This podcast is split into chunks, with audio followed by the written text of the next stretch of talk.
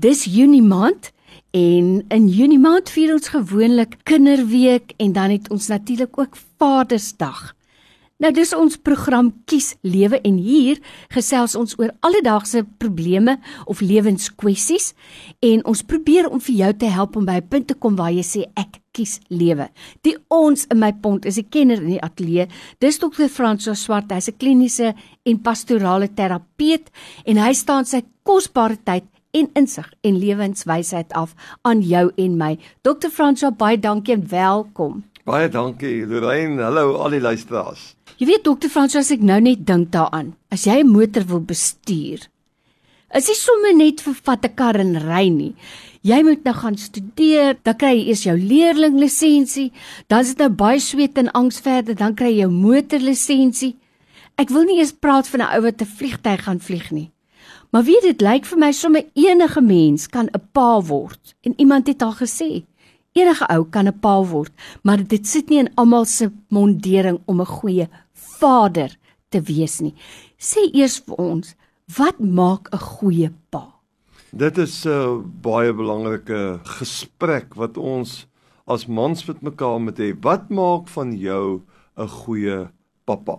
Ek moet nou hom sê een van die mooiste name vir 'n man in die Engels wat ek hoor is gentleman. Mm. En ek dink 'n vader moet gentle wees. 'n Mens moet sag wees en ons mans moet die heeltyd werk daarop. Ons is baie keer baie groter as ons vrouens en ons kinders, ons het harde stemme. Dis ons kan baie prakties net konsentreer om sagte te praat, om oor te kom om meer te luister. Ek dink 'n vader is iemand wat 'n plan het. Ons hemelse Vader het 'n plan in sy seun en jy moet jou plan kan kommunikeer en jy met jou plan doelgerig kan najag totdat jy hom deurgevoer het. Dis 'n vader werk eh, met 'n plan. 'n Vader mag ook broos raak. 'n Vader wat huil is nie noodwendig 'n swak mm. persoon nie. En is goed dat die kinders kan sien maar pappa kan ook huil. En ek dink dit is sal baie goed wees vir vir vrouens en en kinders as hulle vir pappa partykeer kan uitvang dat hulle by die kamerdeur verbystap en hulle sien pappa's op sy knieë by die bed mm. besig om te bid. Ek onthou dit dat ek my pa twee of drie keer in aanhalings uitgevang het op sy knieë. Maar toe het ek besef hy tree vir ons almal in. Wow. En 'n vader is is is 'n persoon wat ook vir ons kan modelleer hoe hy kan buig voor die hemelse Vader en krag en leiding vir ons kan modelleer. Dis 'n 'n vader is nie so seer wat jy sê nie, maar dis hoe jy optree, hoe jy praat, hoe jy veral in noodsituasies kalm te bring en uh, met wysheid jou regte woorde kies. Nou dokter Franswa baie mans inderdaad het nie 'n voorbeeld van 'n goeie pa nie. Hulle voorbeeld van 'n pa is 'n man wat hulle selde sien en wanneer hulle hom sien, dan is dit harde woorde en dis ongeduldigheid baie keer maar meestal afwesig. So kan 'n mens jou voorstel, hoe moet dit wees as jy dink God is so 'n pa? Hoe herstel 'n mens by 'n man 'n beeld van God as 'n liefdevolle, teenwoordige, versorgende pa as hulle dit nooit geken het nie? Die stelling wat jy maak dat vaders uh baie keer self deur in hulle kinderjare deur 'n proses gegaan het waar hulle vaders op 'n sekere manier opgetree het en hulle seer gemaak het. En nou gee hulle dit maar aan. Dit word onderskryf ook deur die navorsing. En verder ook in familie opset weet ons meer as 55% van die Suid-Afrikaanse bevolking word kinders groot sonder 'n pappa. Daar's geen pappa figuur nie, daar's net 'n mamma figuur. En dan ons weet mans neem groter risiko's en uh, hulle is meer by ongelukke betrokke en ook alkoholgebruik en al die tipe van goed speel 'n groter rol by ons mans. En in daardie prosesse slaam ons geweldig wonde. Nou is jy soos wat jy daar sit voor die radio en dink aan jou eie geskiedenis en jou eie pappa beeld en jy kom in die kerk en die dominee of pastoor praat ook kort kort van vader en pappa en jy het al hierdie assosiasies Hoe moet jy hierdie goedes bymekaar uitbring? Die belangrike ding is die mammas kan baie help. As 'n mm. huis is sonder 'n pappa, kyk in jou familiekring. Kyk in jou vriendekring, kyk in jou geloofskring. Waar is manne wat wat jy weet uh, regtig onder die vaandel van Jesus Christus lewe en wat se lewe getuig daarvan van deernis, van wysheid. En dit onderskryf die navorsing ook. Sien nou maar jy verloor jou pa op 'n vroeë stadium en jy kry 'n oom wat uh, sy plek inneem, 'n 'n soort van 'n substituut pa of mm. oom of 'n buurman wat gereeld met die kinders speel.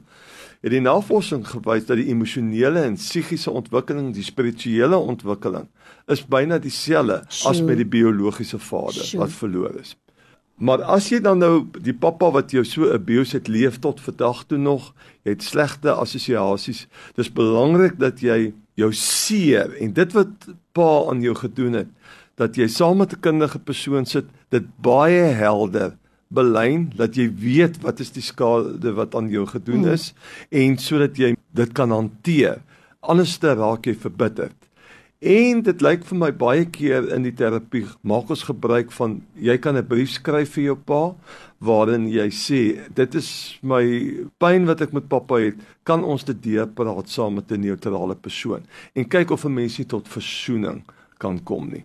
En dan as ons by die kerk kom en ons werk met die Vaderbeeld, dink ek 'n mens moet verstaan, die Bybel help ons om vir ons 'n bepaalde Vaderbeeld te kom gee. En Ek kan miskien net sê om dit op te som, is Johannes 3 vers 16, want so lief het die Vader ons gehad dat hy sy seun gestuur het mm. en dat hy 'n plan beraam het. En dit is 'n Vader wat genade bewys en selfs vir Adam nog 'n tweede kans gee.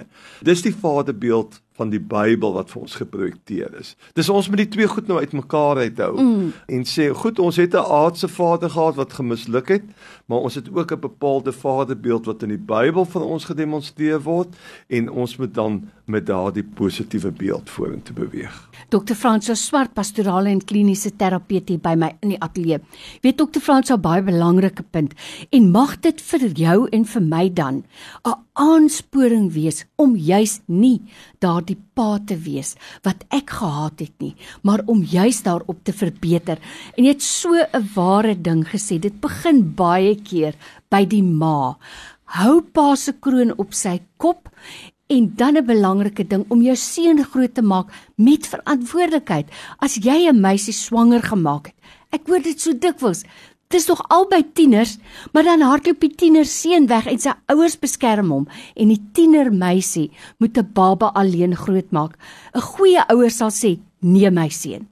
Jy het in daai bed ingeklim, jy moet daai bed opmaak. Dis jou baba en jy gaan 'n goeie pa wees en ondersteun jou seun dan om 'n goeie pa te wees, nie waar nie? Ja, dit is swaar goed wat ons hier oor praat, hmm. maar jou manlikheid kom ter sprake. En ons sien dit in Petrus. Hy's heeltemal stikkend omdat hy Jesus drie keer verraai het. Dawid, eh, as jy na sy lewe kyk, hy het stoute goed aangevang. Hmm. Maar eh, as hy gekonfronteer is daarmee, dan hy soos wat die Engelsman sê het hy die music geface en het gesê mm. ek is die man. Toe die dominee by hom uitkom Nathan en sê jy is die man. Sê ek is die man.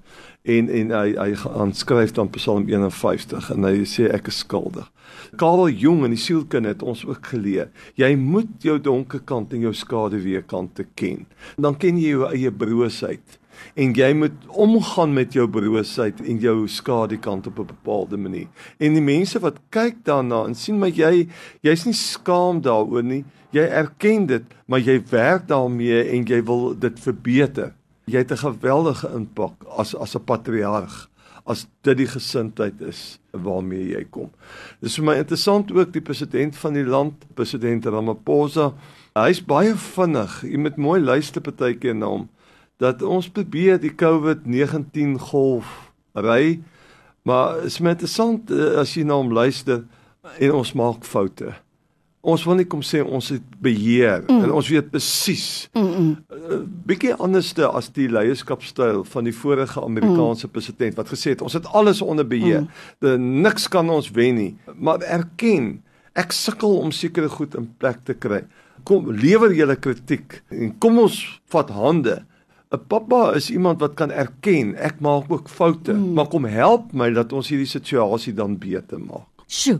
Ja, met Vadersdag wat voorlê, vertrou ek regtig dat hierdie vir jou sal aanspoor om 'n beter pa te wees as die een wat jy gehad het. Dr. Fransja vir jou tyd vandag weer, jou kundigheid, jou kennis en die feit dat jy so bereid is om dit met ons te deel. Ons waardeer dit baie. Baie dankie Lorraine en lekker Vadersdag vir al ons luisteraars. Onthou as jy 'n vraag het, stuur vir my SMS of 'n WhatsApp met jou vraag begin met die woorde kies lewe. Ons groet jou tot volgende keer. Totsiens.